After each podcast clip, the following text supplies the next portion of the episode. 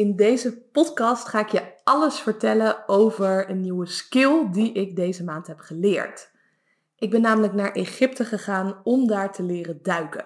En ik ga je een kijkje geven in zowel mijn hoofd als wat ik in de praktijk deed om dit optimaal te kunnen leren.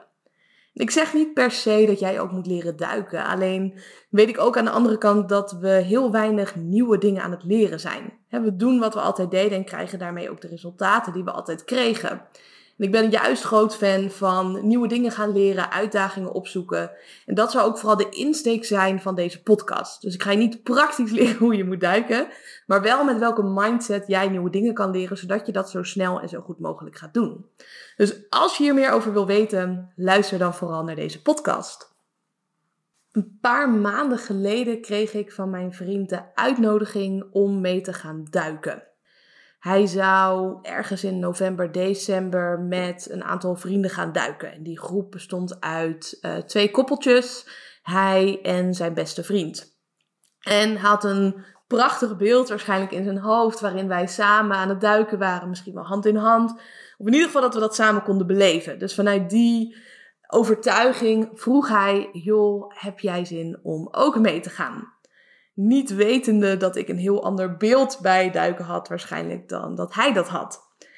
Vroeger was ik groot fan van alle James Bond films. En uh, als je die ook kent, dan zie je ook vaak dat dat gigantisch mis kan gaan.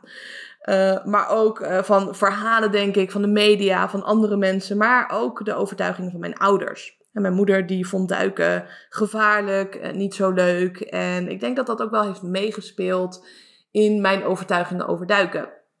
Dus je kan je ook wel voorstellen wat mijn reactie, denk ik, was. Ik heb hem een klein beetje voor deze podcast uitvergroot.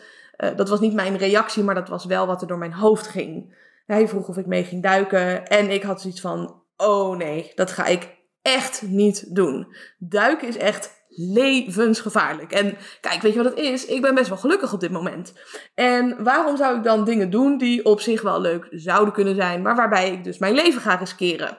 Of waarbij ik mij dusdanig ongemakkelijk ga voelen dat ik mogelijk niet eens meer kan genieten van het hele duiken. En daarnaast heb ik een bedrijf te runnen.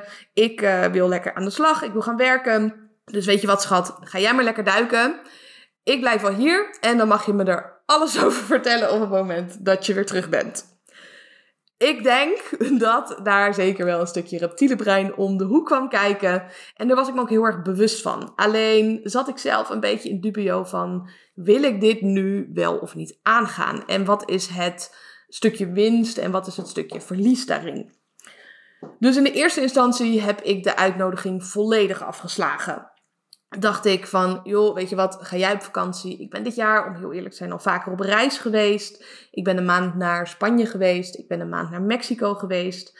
We zijn samen naar Kroatië gegaan. Ik ben nog een dagje naar uh, Stuttgart geweest, waar ik hem ook heb uh, ontmoet. Of ontmoet is misschien een beetje een verkeerd woord, maar hij was op een lange roadtrip en hij heeft mij daar toen opgepikt. Dus qua vakantie dacht ik, nou, misschien uh, is het wel even mooi geweest. Toen hebben we het er een tijdje weer even niet over gehad. En het kwam zo nu en dan wel eens op. Ook omdat hij met zijn vrienden zou gaan, dat zij het erover hadden. En dat ze ook vroegen aan mij van, joh, ga je mee? En dat zette mij wel aan het denken. Langzaamaan koelde mijn reptiele brein wat af. En dacht ik, nou, weet je wat? Ik uh, heb een goede deal. Ik ga dan wel mee op vakantie. Ik ga wel mee dan uh, naar Egypte, waar ze naartoe zouden gaan. Maar ja, dan ga ik gewoon niet duiken. Dan ga ik wel uh, op de boot liggen lekker een beetje zonnen. Of ik ga daar naar de gym. Of ik ga daar een boekje lezen. Of misschien kan ik daar zelfs werken. Achteraf gezien is het heel goed dat ik dat plan niet heb gemaakt. Want de wifi in Egypte was echt verschrikkelijk. Maar goed. Uh, dat was een soort van onderhandeling die ik toen had gemaakt. Ik dacht, oké, dan kies ik ervoor om dat te gaan doen. Dus ik had die week in ieder geval in mijn agenda vrij geboekt. Of eigenlijk een paar dagen in de eerste instantie. Het ging nog wel in kleinere stapjes. Ik dacht, zij gingen van dinsdag tot dinsdag. Ik dacht, dan kom ik gewoon op zaterdag en dan vlieg ik met ze mee terug. Alleen er gingen niet zo heel erg veel vluchten naartoe. Dus uiteindelijk besloot ik ook met de tijd die het kost om te reizen. Je bent er zo een dag mee bezig. Laat ik dan maar gewoon die volle acht dagen gaan ik heb toen nog met wat mensen erover gepraat. En dat is ook het mooie als je bepaalde plannen met mensen gaat overleggen. De mensen die het nog nooit hebben gedaan en dezelfde angsten hebben, die praten volledig met je mee. Maar de mensen die het wel al hebben gedaan, die proberen je juist omhoog te praten. Dus toen ik daar bijvoorbeeld met mijn zusje over sprak, of met een vriendin die ervaring hadden met duiken, die zeiden: Joh, Is, moet je echt gaan doen. Het is echt super gaaf. Maar wanneer ik erover sprak met mensen die duiken ook spannend vonden en het nou ja, misschien één keer hadden gedaan en opgegeven hadden of überhaupt nooit hadden gedaan, die praten volledig mee met mijn angstbrein. Nee, inderdaad, nee, ik zou het ook inderdaad niet doen. Super oncomfortabel, ongemakkelijk. Ga maar lekker gewoon zonnen of doe het helemaal niet. En hier zit meteen ook een hele belangrijke les in. Dat op het moment dat je op een bepaalde manier komt opdagen. Je komt opdagen vanuit angst en je bent samen met angstige mensen. Dan gaat dat elkaar versterken. Maar als jij met krachtige mensen bent, dan kunnen ze juist jou daaruit helpen. Of helpen om dat te overwinnen. En uiteindelijk heb ik ook besloten daarom om te luisteren naar die krachtigere mensen. De mensen die ervaring hadden en een positieve ervaring daarmee. Om er toch mee aan de slag te gaan. Dus uiteindelijk uh, had ik dat best wel last minute gedaan. Uh, de groep had al geboekt en ik heb uiteindelijk toen naar de reisbureau gebeld, twee weken tevoren, met uh, de mededeling of met de vraag van joh, ik zou heel graag mee willen, kan dit nog en wat zijn alle mogelijkheden? Dus we hebben dat even samen doorgesproken en zij hadden mij aangeraden van joh Isabel, Jij gaat met die groep mee. Jij kan alleen nog niet duiken. Zij kunnen dit wel. Dus jij zou eerst even op les moeten. En over het algemeen duurt dat dus vier dagen. Maar ik had daar uh, zes dagen om te duiken. Of zes dagen in totaal, waarvan zij ook in ieder geval één rustdag zouden nemen. En ik zag het ook niet zitten om echt alle dagen te gaan duiken. Want dat is best wel intensief voor de eerste keer. Ze hadden me aangeraden om dan thuis een online cursus te gaan doen. Dat zou mij ongeveer een dag kosten in totaal. En dan kon ik daar in één keer starten met het praktische gedeelte. Dat zou dan drie dagen duren. En na die drie dagen kon ik met hen mee om vanaf de boot te gaan duiken. Mijn reptiele brein uh, die vond daar wat van. Uh, die had allerlei bezwaren uh, rondom tijd. En dan moet ik daar een hele dag aan gaan zitten. Um, dan moet ik iets nieuws gaan leren. Ik moet daar weer volledig in komen. ik heb de afgelopen jaren natuurlijk heel veel gestudeerd over persoonlijke ontwikkeling. Maar nooit over duiken bijvoorbeeld. Dus die had zoiets van, oh help, moet ik dit wel of niet gaan doen? En ik heb ervoor gekozen om het toch maar te gaan doen. Ik zei, is goed, we gaan het doen. En uh, start before you're ready. We zien wel hoe dit allemaal loopt. Dus ik heb die reis toen geboekt. Ook rondom uh, alle maatregelen moest ik nog wat dingen uh, regelen. Rondom formulieren invullen, et cetera, et cetera. Dat ook allemaal gedaan, zodat ik in ieder geval rustig op reis kon gaan. Vervolgens heb ik die online cursus heel braaf gevolgd. ik, die cursus die bestond uit een aantal video's, een aantal quizvragen en een aantal toetsen. Volgens mij ben ik met 80 of 90 procent uiteindelijk geslaagd. Merkte wel bij mezelf dat ik heel veel weerstand had om dat te leren. En achteraf gezien is dat ook heel erg logisch. Alleen toen dacht ik, ja, ik vind dit al helemaal niet leuk om te leren. Straks ga ik het duiken ook helemaal niet leuk vinden. En dan ben ik dit nu aan het leren. Maar waar doe ik dat dan voor? Nou, gelukkig heb ik het commitment gemaakt om uh, me, ja, me echt aan te committeren om dat langer te gaan doen. In plaats van dat je het eventjes probeert en er dan achter komt, oh, ik vind het niet leuk en weer stopt. Dat kan je bijna vergelijken op het moment dat jij bijvoorbeeld het koude water in wil gaan en je gaat eerst met een teentje voelen of het wel of niet koud is. Je komt erachter dat het koud is en vervolgens stop je er weer mee. Dat is super zonde, want je hebt nog helemaal niet mogen proeven uh, van het eindresultaat. Dus ik heb toen doorgezet en er ook heel erg open-minded in gegaan. Want het psychologisch principe wat dan plaats gaat vinden bij de meeste mensen is dat omdat je er heel veel moeite in hebt gestoken, dat je verwachtingen ook heel hoog zijn en dat het daarmee heel erg tegen kan vallen. Dus ik heb bewust de keuze gemaakt om er heel erg neutraal in te gaan en om eigenlijk ook nog geen oordeel te, te vormen op het moment dat ik nog in de leer zat. Want dan is het super moeilijk om te ervaren of het leuk is. Want op dat moment zit je nog veel in je hoofd. Dus ik heb die cursus afgerond met heel erg veel weerstand, dat mogen jullie best wel weten. En uh, ik, om heel eerlijk te zijn, als je het over stoppen met uitstellen. Uh, want ik had twee weken tevoren had ik toen een vakantie geboekt. Toen ben ik meteen ben ik die online cursus gaan inplannen voor mezelf en gaan volgen. En toen kwam ik erachter de dag voordat ik op vakantie moest, dat er nog een eindtoets was die ik nog even moest doen. Dus die heb ik toen nog de avond tevoren gedaan, zodat alles geregeld was. En als ik daar aankwam, we ook direct konden gaan starten met de duiken. Nou, op dinsdag kwamen wij toen aan in Egypte. De hele dag bezig geweest met reizen. S'avonds aangekomen in het hotel. Nog een hapje gegeten. En de volgende dag om 8 uur ochtends zouden we starten met de duikcursus. Dus ik kwam er ochtends aan. En bleek dat ik privéles zou krijgen. Dus dat vond ik eigenlijk wel heel erg fijn. Ik had al eerder op vakantie mensen gezien die duikles volgden. En die zaten meestal in groepjes van tussen de 2 à 4, 6 mensen, zoiets. En ik had mezelf gevisualiseerd, dus dat ik in een groep zou zitten. En toen werd mij verteld dat ik uh, in mijn eentje les had. En toen merkte ik bij mezelf van, nou, dat, dat geeft me wel heel erg veel ruimte. Omdat ik mezelf mogelijk ook wel bezwaar zou voelen in de groep op het moment dat ik dan wat achter zou lopen. Of juist als je voorloopt, dat je dan weer tegengehouden kan worden. En mijn duikinstructeur, dat was uh, Said. En uh, die stond op woensdagochtend voor mij klaar. En we gingen als eerste wat spullen bij elkaar verzamelen. Dus in het duiken heb je verschillende materialen die je nodig hebt. Ik had een pak die ik moest dragen. Schoenen die je dan daarbij draagt. Je krijgt een duikfles, die had hij volgens mij al klaargezet. Lood wat je om je middel draagt, omdat je anders omhoog vliegt. een regulator die je kon aansluiten op je duikfles. Dan had ik nog een, een, ja, een extra onderdeel van mijn pak. Ik ben even de naam kwijt. Ik denk niet dat Said hier heel trots op gaat zijn. Maar die, die doe je overheen, je vest. Daar kan je ook lucht eventueel in blazen. Daar stop je nog extra lood in. Uh, en daar kan je ook je reservelucht uh, regulator in stoppen. En mijn flippers. Nou, toen gingen we naar het zwembad. Ik had alle spullen in mijn kistje gedaan. En daar moest ik een setup gaan doen. Dus dat betekende dat ik die duikfles neer moest zetten. En alles moest gaan voorbereiden. Dat ik in theorie gewoon zo het water in kon stappen. En een van de dingen die bij mij direct opkwamen, of opkwam, was het imposter syndroom. En het imposter syndroom, voor de mensen die dat niet kennen, dat is het bedriegersyndroom. Dus ik had super netjes dat ik die cursus had ik gevolgd. En toen moest ik het in de praktijk gaan doen. En toen dacht ik, oh nee, strakjes, dan doe ik het allemaal fout. Ik heb wel dat examen gehaald, maar dat was een meer keuzetoets. Dus het zou heel goed zo kunnen zijn dat ik dat allemaal vergeten ben, of dat ik dat helemaal niet kan, of dat ik misschien wel hè, niet goed genoeg hiervoor ben. Strakjes ben ik die ene persoon die dan niet slaagt voor de cursus en dan gaan zij allemaal bootduiken en zij verwachten dat ik na drie dagen klaar ben en ready ben om mee te gaan en dan kan ik dat helemaal niet. Nou, ik was al aan het eh, nadenken over die worst case scenario. Gelukkig heb ik het een en ander aan mentale training gedaan. Dus ik kan dat heel goed loskoppelen van mezelf. Ik kan daar dan ook wel weer om lachen bij mezelf. En vervolgens weer in het moment zijn. Dus ik zag al die dingen en ik, ik raakte een klein beetje overweldigd. En ik dacht, nou ja, het allerslechtste wat ik op dit moment kan doen is eigenlijk in mijn hoofd zitten. Want op het moment dat jij in je hoofd zit, dan sla jij alle informatie die jij toegereikt krijgt in het moment minder goed op. Of misschien wel helemaal niet goed op. Dus bij elke nieuwe skill die jij gaat leren, het enige wat jij kan doen is uit je hoofd blijven.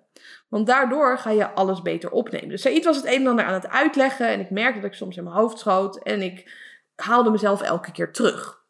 En hierbij kwam dus al die mindset training heel erg goed van pas. Zoals het mediteren, de ijsbaden, mijn spijkermatten. Alles wat ik doe op het gebied van mindset. Om volledig in het moment te kunnen zijn. Dus we gingen zo samen die setup doen en ik merkte eigenlijk dat ik het wel heel goed opnam. En ondanks mijn angsten dat ik het nog heel erg goed kon herinneren van die cursus. Dus hij deed dat voor en ik deed hem na. En uh, ik herhaalde het nog een aantal keren en toen wist ik het ook echt wel goed. Vervolgens mocht ik dan dat duikpak aantrekken. En uh, ik voelde me echt net een rollade erin. Maar dat is ook de bedoeling met een pak. Ongeacht welk gewicht je hebt of welke lichaamssamenstelling je hebt. Dat pak dat moet echt wel een klein beetje strak zitten, zodat je warm blijft in het water. En toen merkte ik ook dat mijn ego een beetje begon op te spelen. Die had zoiets van, ja maar hallo, ik ben bezig met uh, Wim Hof trainingen, met de ijsbaden. Misschien heb ik zo'n pak helemaal niet nodig. Misschien ga ik gewoon lekker zonder pak zwemmen. En het is toch heel erg oncomfortabel. Dus die begon daar een beetje tegen te vechten. En uiteindelijk heb ik mezelf toch maar in dat pak gehezen. En uh, stad ik ook niet alleen in dat duikpak, maar moest ik ook mijn gear op hebben. Dus ik had die duikfles op mijn rug en ik had ook die flippers had ik aan. Ik weet niet of jullie de film hebben gezien van uh, in de chocoladefabriek. Maar dan heb je die Oompa Loompa mannetjes. En die, ja, die lopen dan zo een beetje gek rond. Ik voelde me echt net een Oompa Loompa mannetje. En dat kwam denk ik voornamelijk door de combinatie van die flippers. Waardoor je niet zo heel lekker kan lopen. Als door al die kilo's die dan op je rug zitten. Nu kan ik behoorlijk wat kilo stillen, maar ik moet zeggen, dit was echt een hele andere beleving. Want je hebt niet alleen maar die duikfles op je rug, maar je moet ook nog eens lood op je middel hebben. Um, dan heb je nog om je nek heb je je duikbril. Oh, die was ik vergeten te, benoemen bij Allegear. Nou, die heb je dus ook nog. Zodat je überhaupt nog wat kan zien onder water. En ja, ik merkte bij mezelf dat ik het er Spaans benauwd van kreeg. Ik heb zoveel spullen. Ik wil dit allemaal niet aan. Ik wil gewoon lekker zwemmen. hoe gaan we dit uh, fixen? En ik dacht ook, hoe kan dit in vredesnaam comfortabel zijn in het water om dit allemaal te doen? En dan moet je ook nog eens in het moment zijn om naar die vissen te kunnen kijken. Dus ik merkte bij mezelf, wat ik net al aangaf, je moet in het moment zijn. Ik wil er oordeelloos naar kijken. Dat was hoe ik wilde komen opdagen. En ik merkte dus dat het me niet altijd lukte om zo op te komen dagen. Maar doordat ik dat voornemen had, lukte het wel om weer terug te gaan in dat moment. Dat ik opmerkte bij mezelf, hé, hey, wacht. Ik ben alweer bezig dus met de toekomst, dat ik dit wel of niet leuk moet gaan vinden. Is nu helemaal niet van belang. Het enige wat ik nu hoef te doen is de skill onder de knie te krijgen. En dan kan ik later bepalen of ik dit wel of niet leuk vind. Dus ik ging weer terug naar het moment en uh, dat maakte ook wel dat het een stukje makkelijker werd. Dus met mijn gear aan, ik voelde me als een Oompa Loompa en het lukte me ook nog eens om een beetje om mezelf te lachen, ging ik het water in. En iets wat we gewoon in het begin gingen oefenen om er comfortabel mee te worden, is het ademen onder water. Uh, onder water kan je natuurlijk niet zomaar uh, ademen, daarom zijn we mens en geen vis. Uh, dus wat ze hebben is, je hebt een luchtfles op je rug, daar heb je een regulator aan en daardoor kan je dan ademen. En je hebt nog een reservelucht, dat als er iets is met de lucht van je buddy, dat je die lucht kan delen. Dus wat we in het begin gingen doen, is je stopt die regulator in je mond en dan ga je onder water en dan ga je maar eens gewoon ademhalen de mensen die met mij één op één werken of wel eens een cursus met mij hebben gedaan, die weten dat ik helemaal geen fan ben van mondademhaling. En mondademhaling, dat doe je meestal op het moment dat je gestrest bent. En dat is een hele grote wisselwerking tussen je mind en je body. Dus op het moment dat je dus een gestreste ademhaling hebt, dan ga je je ook gestrester voelen en vice versa. Dus hierin was het weer extra belangrijk dat ik dat volledig los van elkaar kon trekken. Dat ik kon zien van, hé, hey, ik voel me eigenlijk wat gestrester. Maar ja, er is eigenlijk helemaal niks aan de hand. Dat komt waarschijnlijk omdat ik A. onder water ben, B. iets nieuws aan het doen ben en C. een mondademhaling heb. Ik merkte ook wel eens dat ik dus geneigd was om door mijn neus te gaan ademen, omdat dat mijn comfortzone was. Dus het was heel goed dat we in het begin gingen wennen aan simpelweg ademen onder water. Maar het duiken leer je niet alleen maar om de skill onder de knie te krijgen. Zo'n 95% van je duiken is simpelweg adem onder water. Heel veel meer hoef je niet echt te doen. Alleen, op het moment dat je het leert, moet je natuurlijk ook weten wat je moet doen op het moment dat het misgaat. Zodat als jij 30 meter onder water zit en er gebeurt iets, dat jij dat goed kan oplossen. Bij duiken is het namelijk zo, tot 18 meter kan je nog wel veilig omhoog zwemmen.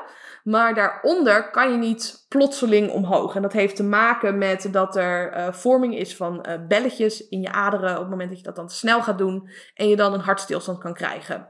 Of als je te snel naar boven zwemt, dat door het drukverschil dat je longen gaan klappen.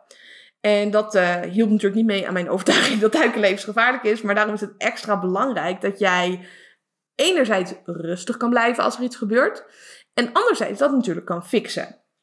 Dus de dingen waarmee we, waarmee we hebben geoefend, is wat gebeurt er nou op het moment dat er iets is met je bril? Dat er water inloopt of dat je bril gewoon helemaal stuk is.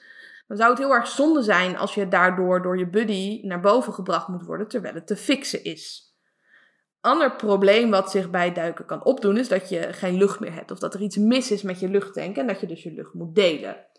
Wat daarvoor dus belangrijk is, is dat je je eigen lucht uh, uit je mond gaat halen en dan bij je buddy die lucht tot je gaat nemen. ik kan je vertellen, dat voelt behoorlijk onnatuurlijk om, als je onder water bent, om dan de enige toevoer die je hebt aan leven, om die even los te laten en dan van iemand anders die lucht te gaan pakken. Erop vertrouwende dat dat maar gewoon goed komt.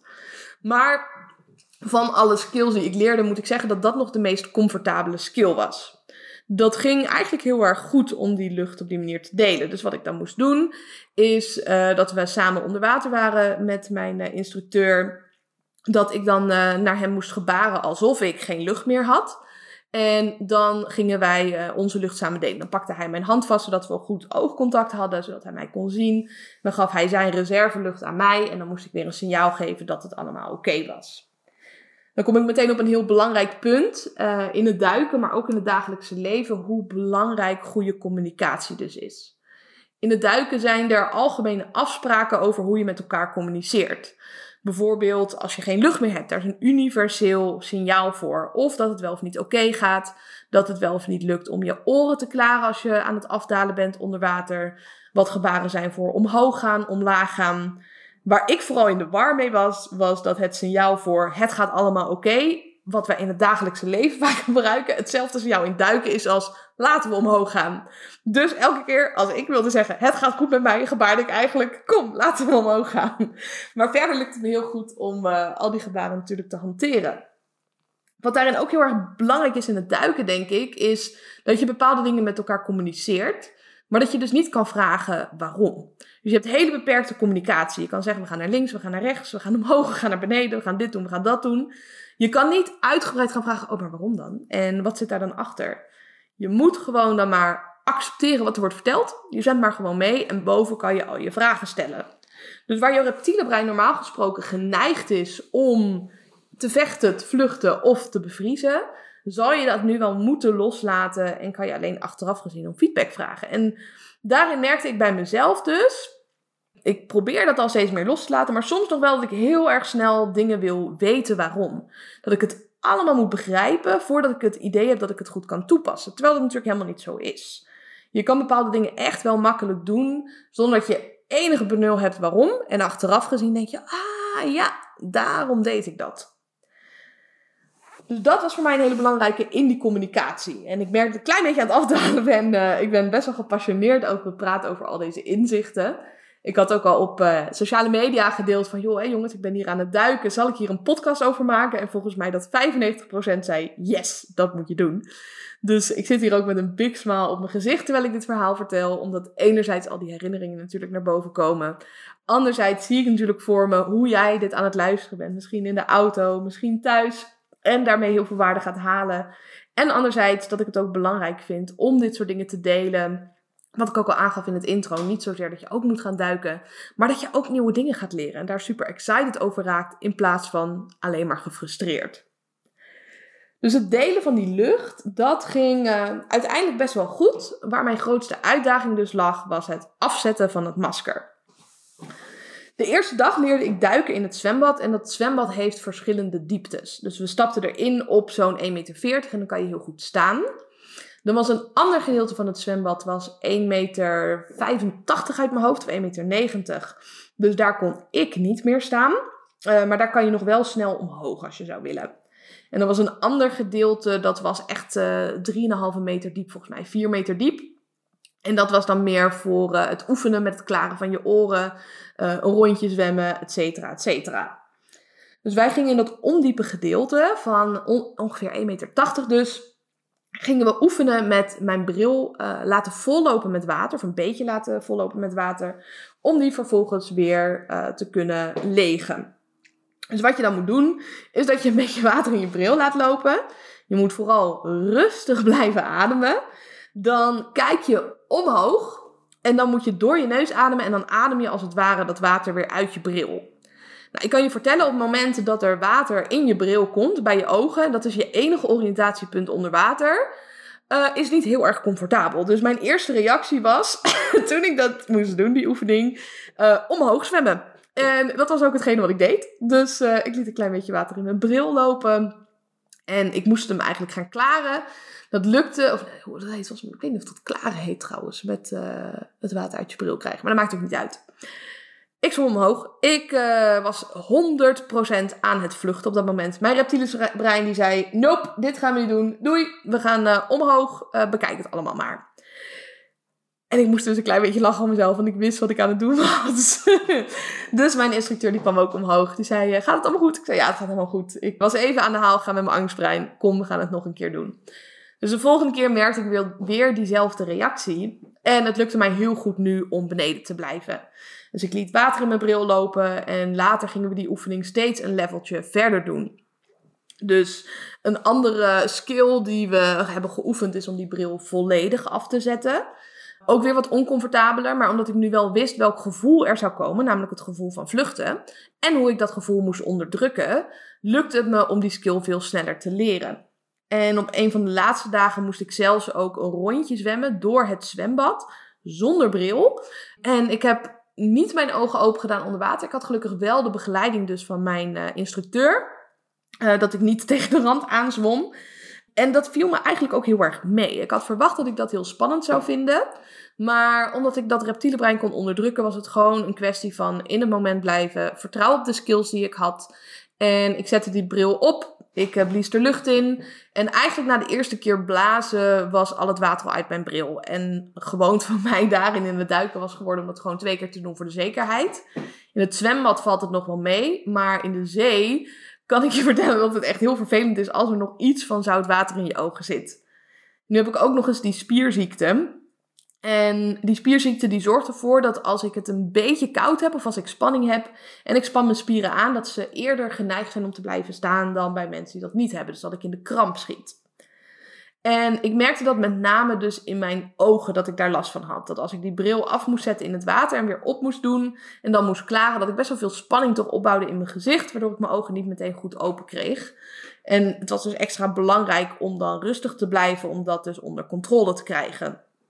En een ander ding met kramp is dat je door het flipperen ook wel kramp kan krijgen in je kuiten.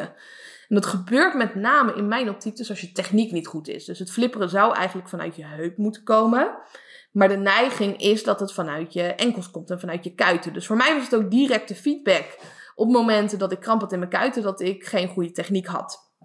Dus ik leerde wel in de les om aan te geven als ik kramp had dat je buddy dan uh, je kuiten kon losmasseren. Dat was best wel gek om dat te oefenen, kan ik je vertellen. Maar ik dacht bij mezelf van, hé, hey, ik ken dit al heel erg goed van mezelf. Ik raak niet per se in paniek als ik kramp heb. Misschien moet ik het juist niet aangeven. Gewoon mijn spieren zelf ontspannen. En is het een feedback voor mijn techniek dat ik die meer uit mijn heupen moest gaan halen. Dus uh, mijn instructeur die uh, wist dit niet. Heb ik, ik heb dat dus anders gedaan op die manier, omdat ik wilde kijken wat dat met mijn lijf deed. En dat werkte eigenlijk heel erg goed. Dus zodoende heb ik die skills voor mezelf geoefend. Dat op het moment dat het dus mis zou gaan onder water, en daarom heb je dus die les, uh, weet je in ieder geval dat je de skills hebt om dat zo goed mogelijk op te vangen. En is duiken daardoor relatief veilig op het moment dat je geen hele stomme dingen doet. En de ochtend waren we dus bezig geweest met het oefenen van skills in het zwembad om uiteindelijk de zee in te gaan. Dus de cursus bestaat uit vier duiken in totaal in de zee. En ik denk om en nabij twee uh, duiken in het zwembad om die skills te oefenen. En het bestond ook nog uit een zwembadtest, maar die heb ik op de tweede dag gedaan. En uh, ik snap die volgorde eigenlijk niet zo heel erg goed. Want bij de zwembadtest moet je gaan kijken of jij 10 minuten lang kan drijven, zonder dus enige hulpmiddelen. En of jij een x aantal meter kan zwemmen. Bij mij kwam het neer op 15 baantjes zwemmen. Maar ik snap dus niet zo goed dat ik dat pas op dag 2 moet doen in plaats van op dag 1. Want het lijkt mij een soort van selectietest om überhaupt te mogen duiken. Maar goed, ik ging in de middag dus de zee in. Ik was helemaal bepakt en bezakt. Vanaf het duikresort konden we gewoon naar de zee toe lopen. Dat was denk ik een metertje of uh, 200, uh, 300 max. En dan namen we een kar mee en daar zetten we alle zware spullen op. En dan kleden we ons op het strand aan en dan liepen we zo als twee Oompa Loompas die zee in. En anders dan in het zwembad bij de zee krijg je gewoon steeds meer diepte naarmate je natuurlijk verder in de zee komt. Maar er waren ook best wel wat andere mensen die daar aan het zwemmen waren. En ik merkte dat ik dat oncomfortabel vond. Niet zozeer uh, dat zij er waren, maar ik wilde ze ook niet raken en ik wilde ze geen pijn doen en ik wilde ze daarin niet tot last zijn. Dus wat we deden was dat we een stukje de zee inliepen. Dat we ons daarna omdraaiden. Dat we op onze rug een stukje nog verder zwommen. En dan daalden we af. En het gave was van het duiken in Egypte dat we aan de Rode Zee zaten. En dat is wel een van de mooiste plekken om te duiken. Dus op het moment dat wij nu een duik in de zee deden, kon je meteen al hele mooie dingen zien. Ik hoorde van sommige mensen dat die hebben leren duiken in Nederland. Ja, als je in de Vinkenveese plassen bijvoorbeeld gaat duiken, dan zie je niet zo heel erg veel. Terwijl zodra wij afdaalden, zag ik meteen allerlei visjes, koraal. En wat ze ook heel leuk hadden gedaan, er waren heel veel mensen die daar oefenden met duiken, is dat ze gewoon wat spulletjes in de zee hadden gezet. Dus ze hadden wat vazen daar neergezet, een tafeltje met stoelen, uh, een aantal hoepels hadden ze er ook neergezet, zodat we daar doorheen konden zwemmen en trucjes konden oefenen. Dus dat was heel erg leuk, maar dat was de eerste dag nog helemaal niet relevant. Dat heb ik uiteindelijk, denk ik, op een van mijn laatste duiken gedaan. Toen ging het echt super, super goed. Ik kon in principe alles. Maar voor de cursus moet je nu eenmaal vier duiken in de zee hebben gedaan. Dus toen zijn we een beetje gaan spelen samen. Dus hij had ook wel aangeraden, enerzijds om misschien dan al direct de vervolgcursus te gaan doen. En ik heb er ook wel echt over nagedacht.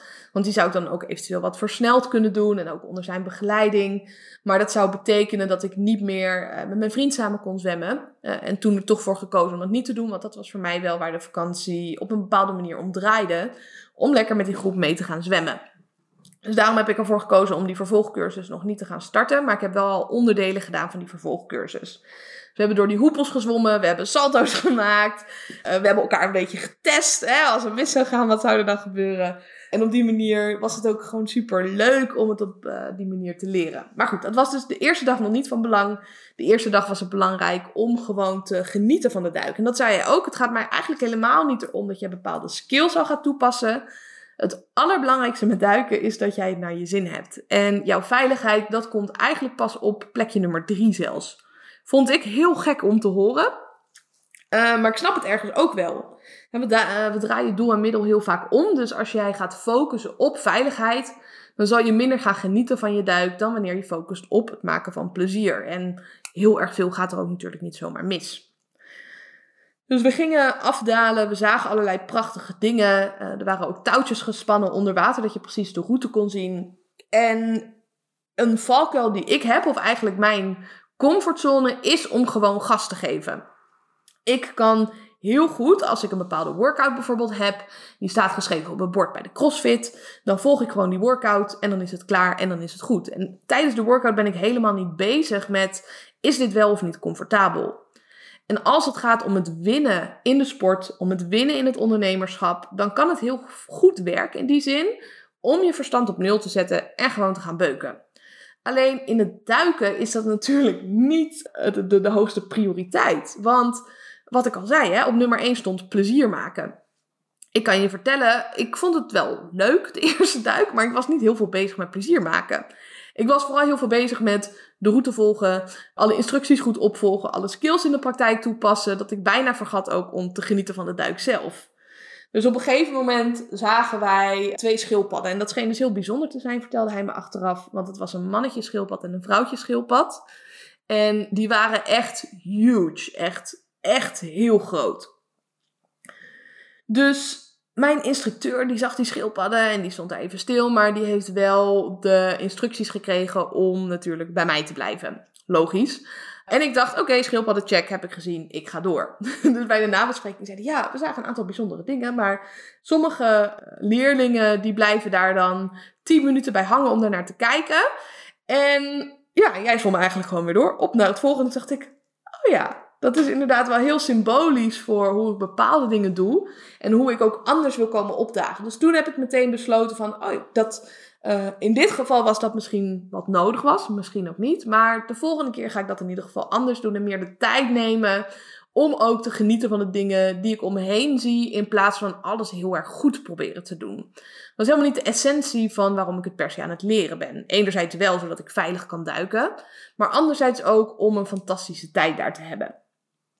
Dus dat was meteen ook een hele belangrijke les van het duiken om ook te focussen op natuurlijk het nu, op de weg er naartoe en niet alleen maar op dat eindresultaat. we hebben uiteindelijk toen een duik van om en nabij een half uurtje gedaan. Uh, toen zijn we teruggegaan naar het resort. Zijn we nog even gaan debriefen over hoe het allemaal was gegaan. En had ik eigenlijk een fantastische eerste dag duiken gehad. Na de eerste dag merkte ik bij mezelf op dat ik best wel wat hoofdpijn had na de duik. En dat is heel erg logisch. Want je duikt namelijk in de eerste instantie met geperste lucht. Daarmee uh, proppen ze gewoon die lucht in de fles en die bestaat dan uit dezelfde percentages als reguliere lucht. En ze gaven mij de mogelijkheid ook om te gaan duiken met nitrox. En dat doen heel veel mensen. Daarmee heb je een hoger percentage aan zuurstof in de lucht. Uh, minder stikstof, waardoor je dus minder hoofdpijn krijgt na het duiken de investering voor uh, die cursus was uh, om en nabij 200 euro. En de cursus bestond volgens mij uit een uurtje video's kijken en dan een examen maken op de computer. Dan kom ik ook meteen bij de vreselijke wifi in Egypte. Wat normaal gesproken een uur kost, met het internet kost het mij ongeveer drie uur om dat allemaal te volgen. Dus dat ging ook wel gepaard met enigszins wat frustratie, kan ik je vertellen. Maar uiteindelijk had ik die cursus wel gehaald. En dan ga je natuurlijk ook omrekenen rondom, oké, wat is ietsje waard en wat ben je bereid dus om daarvoor te betalen? Dus als je gaat kijken naar die cursus uh, op basis van je tijd, van ik, het kost maar zoveel tijd om dat te doen, uh, waarom zou ik dat ervoor betalen, dan had je dat waarschijnlijk niet gedaan. Dan is het het niet waard in die zin. Maar als je ernaar gaat kijken als een oplossing om voor je hoofdpijn af te komen, en niet alleen de hoofdpijn voor één duik, maar voor letterlijk alle duiken die je nog gaat doen. Want de rest van je leven is dat certificaat geldig. Dan was het voor mij het 100% waard om die investering te doen. Sterker nog, dan is het bijna een no-brainer.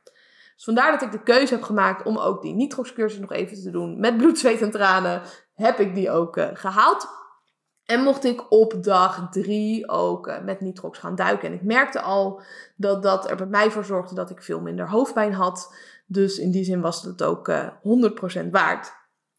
Nou, na die drie dagen had ik dus zowel mijn Nitrox-certificaat als mijn reguliere PADI uh, Open Water certificaat. En mocht ik met de grote jongens mee op de boot. Ze hadden eerst nog een rustdag op zaterdag, want ze hadden ook drie dagen achter elkaar gedoken. En op die zaterdag gingen we dus even wat anders doen. Dus ik ben ook naar de sportschool gegaan. Uh, we zijn uh, gaan huren in de woestijn en daar een rondje gaan rijden. En ook veel op het strand gaan chillen. En dat vond ik zelf dus wel het leuke van dat ik die cursus had. Dat de eerste drie dagen dat ik aan het duiken was in de ochtend en begin middag. En daarna had ik de hele middag voor mezelf. Waar zij dus op die boot zaten. En pas de laatste twee dagen ging ik met hen mee. En dat vond ik echt fantastisch. Maar ik had er denk ik niet aan moeten denken om dat de hele week te doen. Omdat mijn eigen space ook heel erg belangrijk voor mij is. En ik ook, het ook wel heerlijk vond om naar de sportschool te gaan. Dus um, er waren mensen die zeiden, ja, uh, duiken is echt super intensief. Je kan daarna echt niet meer gaan trainen. ik heb uh, zo'n twee à drie keer per dag gedoken. En daarna ging ik nog gewoon trainen. Soms was dat yoga, intervaltrainingen of uh, gewoon zware krachttraining. Nu wordt wel bij het duiken afgeraden om echt heel zwaar te liften, omdat het duiken zelf ook wel een bepaalde impact heeft op je lijf. Dus dat heb ik bewust niet gedaan. Ik ben niet gaan maxen. Ik ben niet heel veel volume gaan draaien uh, met een hoge intensiteit, maar wel om gewoon in beweging te zijn. En ik merkte dat ik daardoor ook wel sneller herstelde. Dus op zondag mocht ik uh, met de boot mee. En ik kan je vertellen, dat was wel wat anders dan dat je dat uh, in het zwembad doet of in de zee. Dus een boot die gaat uh, op het water en daar zitten behoorlijk wat golven. Dus ik had wel geoefend met het springen in het zwembad met mijn uh, volledige bepakking. Maar op het moment dat daar iets meer haast bij is, dat uh, die boot aan het bewegen is op de golven, is dat wel een wat andere beleving. En daarom was ik ook heel erg blij dat ik ervaren mensen mee had. Dus ik had een buddyteam gevolgd samen met mijn vriend en zijn beste vriend. En dan zouden zij een beetje voor mij zorgen. Ik had ook verteld aan de instructeur dat dit mijn eerste keer was. En het was ook dezelfde organisatie als bij wie ik de beginnerscursus had gedaan. Dus die hadden ook wel gezien in de formulieren van, oh, Isabel heeft pas een x-aantal duiken gemaakt. Dus die is uh, wat dat betreft een beetje een newbie. Dus ik heb me geen moment daarin onveilig gevoeld. Ik werd ook gewoon letterlijk meegenomen door de groep. Hè. Die pakten me gewoon bij mijn, uh, bij mijn vest vast en die trokken mij mee als ik uh, te dicht bij de kliffen bijvoorbeeld kwam of te dicht bij de boot. Of als we net boven kwamen en die namen we ook stap voor stap mee in het hele proces. Ook al wist ik wel hoe dat moest, toch was het wel fijn dat ik in de gaten gehouden werd. De eerste dag sprongen we dus uh, het water in en binnen vijf minuten zagen we iets waarvan ik in de eerste instantie heel bang zou zijn om dat te gaan zien. Toen ik die drie dagen gehad had, was ik heel excited om het te gaan zien, maar had ik er wel sterk rekening mee gehouden dat het niet zou gebeuren. En ik heb het over het spotten van een haai ik dacht in de eerste instantie, hè, duiken, ik, ik noemde het al, levensgevaarlijk. Niet alleen maar vanwege je eigen gear wat er mis kan gaan. Maar ja, straks eh, zijn er gevaarlijke dieren die jou pijn gaan doen of die je zelfs gaan vermoorden. En een van die dieren is een haai. Dus ik dacht, ja, dan ga ik natuurlijk niet uh, in Egypte duiken, maar uiteindelijk toch gedaan. En ik hoorde van een heleboel instructeurs dat zij juist heel erg excited waren over het zien van een haai. Dus ik vroeg ook aan hen van, hè, maar is dat dan niet gevaarlijk? En het is dus zo dat op het moment dat je aan het duiken bent, dan herkennen ze jou niet als mens. Dat snap ik ook wel, want ik zie eruit als een Oompa Loompa. Dus wij het water in en binnen vijf minuten spotten we al een haai. En het was geen, uh, geen joekel. Hij was denk ik een, paar meter lang en uh, die zwom op zo'n vijf meter afstand van ons. En het lukte mij dus heel goed om rustig te blijven, om ook naar het beest te kijken. Maar als je het hebt over de wet van aantrekkingskracht, dan geloof ik ook absoluut dat ik dat heb gemanifesteerd. Want als ik kijk naar mijn hele duikavontuur, ook naar uh, de, duiken in het grotere water of in, in de open zee, dan heb ik echt alle dingen gezien die zeldzaam waren, die bijzonder waren, zoals die twee schildpadden. Ik heb elke dag heb ik dus een haai gezien. Het was niet de enige keer, terwijl er een heleboel mensen zijn die ik heb gesproken die nog nooit een haai hebben gezien. En deels bijvoorbeeld ook in hetzelfde gebied hebben gedoken of in andere gebieden. Ik heb uh, garnalen gezien, ik heb zeepaardjes gezien, we hebben alen gezien onder water. We hebben krokodilvissen, heet het volgens mij, crocodilefish hebben we gezien. Nou, echt allemaal hele bijzondere dingen. Dus of jij nou in gelooft of niet, maakt niet zo heel veel uit. In dit geval geloof ik er wel in dat je dat natuurlijk kan manifesteren. Dat als je denkt, oké, ik ben hier klaar voor, ik wil dit graag gaan doen, ik wil dit graag gaan zien. Dat je het nou, misschien wel gaat zien op die manier, omdat je er anders geen oog voor hebt. Of misschien komt het ook wel naar je toe. Ik ben er nog niet achter wat dan precies is. Maar ik kan wel degelijk het verband hierin zien. Dus dat vond ik ook heel gaaf om dat dus te gaan ervaren. En helemaal omdat ik op reis was met uh, mensen die wat minder spiritueel waren. Dus daar hebben we nog wel wat discussies over gehad. Maar ze waren het allemaal wel eens dat ik geluk bracht in die zin. En uh, ik werd ook wel de Lucky Charm genoemd. Omdat we dus uh, nou ja, telkens een high zagen. Bij de boot had je ook de keuze of jij uh, überhaupt wilde duiken natuurlijk, maar ook of jij twee of drie keer wilde duiken. En de meeste mensen kozen ervoor om twee keer op een dag te duiken. Ook zij doken met nitrox, maar uh, ze hadden zoiets van, ja, twee keer aan de ene kant wel prima, maar ik wilde het gewoon graag goed leren. En ik merkte bij mezelf, elke keer dat ik dook, werd ik er weer beter en beter in. Dus ik heb er daarom voor gekozen om elke dag dat ik met de boot meeging ook de drie duiken te doen. En meestal kozen we ook de laatste duik ervoor om een wat relaxtere duik te doen. de eerste duiken hadden we vaak wat intensievere duiken. Dus we hebben twee keer zelfs ook een uh, wrak bezocht. En we hebben ook door dat wrak gezwommen. En ook daarbij kwam mijn reptiele brein om de hoek kijken. Die denkt, ik wil hieruit, ik wil hieruit. Mensen zijn te dicht op me, wat moet ik doen? Maar het lukte mij heel goed om ook in dit geval rustig te blijven. Maar dat kost dan dus wat meer mentale kracht. En dan is het heel fijn om bij zo'n laatste duik zo min mogelijk te hoeven doen. Zowel fysiek als mentaal. Dus daarbij zwommen we vaak langs een klif uh, bij de laatste duik met uh, weinig stroming. Dat je heel relaxed je gewoon uh, door het water kan bewegen zonder dat je al te veel fysiek moet doen of mentaal moet nadenken. Later heb ik natuurlijk ook met mijn vriend het over dit hele avontuur gehad. Omdat hij zei, joh, weet je nog hè, een paar maanden geleden toen ik voorstelde om te gaan duiken samen, hoe je reageerde. Nou, dat weet ik natuurlijk nog, want ik schoot gigantisch in de weerstand. En hij wil natuurlijk weten van, hè, hoe heb jij het ervaren, hoe heb jij het beleefd en zou je het de volgende keer weer doen? Ik denk zeker dat ik, uh, of ik weet eigenlijk zeker dat ik nog een keer uh, ga duiken. Ik ben afgelopen jaar in Mexico geweest en toen kon ik nog niet duiken. Uh, maar ik zou heel graag daar nog in de cenotes willen duiken. Ik ben ook op de Gili-eilanden geweest twee jaar geleden. En daar kreeg ik ook al de kans om te leren duiken. Maar je kan je natuurlijk wel voorstellen dat uh, destijds mijn reptiele brein won. Want uh, ik had geen tijd om dat te leren. Ik kon dat niet, noem maar op. Alle belemmerende overtuigingen. Maar daar zou ik dus ook nog graag een keer willen leren duiken. Ik heb ook een meisje in Mexico ontmoet die uh, goed kon duiken en die gaat daar een bepaalde opleiding doen. Uh, want daar kan je dus ook leren hoe jij instructeur gaat worden. Dus dat is helemaal next level. Dus ik denk dat het ook een hele gave plek is om, uh, om daar te leren duiken. En ik heb via Instagram iemand die mij aanraden om in Curaçao te duiken. Omdat je daar ook heel veel wrakken hebt en prachtige dingen om te zien. Dus die drie landen staan in ieder geval nog op mijn lijstje. Ik zal nu nog niet zeggen van, oh, ik ga echt de rest van mijn leven elk jaar op duikvakantie. Net zoals dat sommige mensen elk jaar wintersportvakantie gaan. Ik ben zelf nog nooit op wintersport geweest. Maar dat heeft er meer mee te maken dat ik dus die spierziekte heb. En dat mijn ouders daar heel voorzichtig mee waren.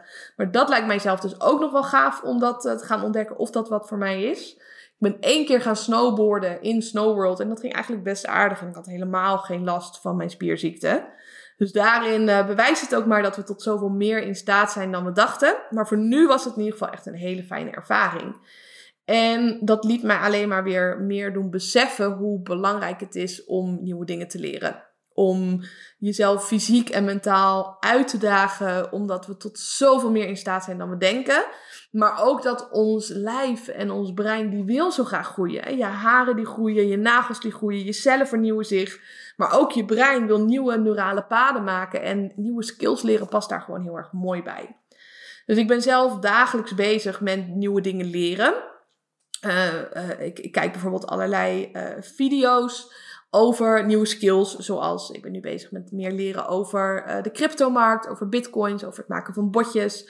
Uh, toen ik naar Spanje ging, uh, ben ik ook bezig geweest met het leren van nieuwe taal van Spaans. En in dit geval ben ik ook bezig geweest met het leren van nieuwe skill rondom duiken. En hier ga ik ook nog wel meer mee doen. Dus ik ga binnenkort nog een cursus volgen over de materialen van het duiken, hoe dat allemaal werkt. En als jij naar deze podcast luistert, dan raad ik jou ook vooral aan om zelf op zoek te gaan hoe jij nou ja, op wekelijkse of dagelijkse basis bezig kan zijn met het trainen van je brein om nieuwe dingen te leren. Hartstikke bedankt dat jij eh, naar deze podcast in ieder geval hebt geluisterd. Wil jij meer weten over hoe jij je brein nou eigenlijk kan trainen? Dan raad ik je aan om mijn boek te gaan bestellen, Stoppen met Uitstellen. Waarin ik je van A tot Z vertel over mijn methode. En dat jij ook een trainingsschema kan maken wat bij jou gaat passen. Er is geen universeel trainingsschema om je brein te trainen. Er is geen gouden pil. We moeten vooral gaan kijken wat er voor jou werkt. Dus bestel even mijn boek Stoppen met uitstellen via www.isabelleveteris.com slash boek, zodat je aan de slag kan gaan met mijn methode. Of als je mijn boek al helemaal hebt gelezen, dan is het misschien een heel goed idee om een keer met elkaar in gesprek te gaan en te kijken wat voor jou een mooie stap zou zijn. Dus dan kan je me even een berichtje sturen via mijn mail info.isabelleviteris.nl of via Instagram en DM. En wie weet bellen we elkaar dan binnenkort gewoon op. En voor nu wens ik je nog een hele fijne dag.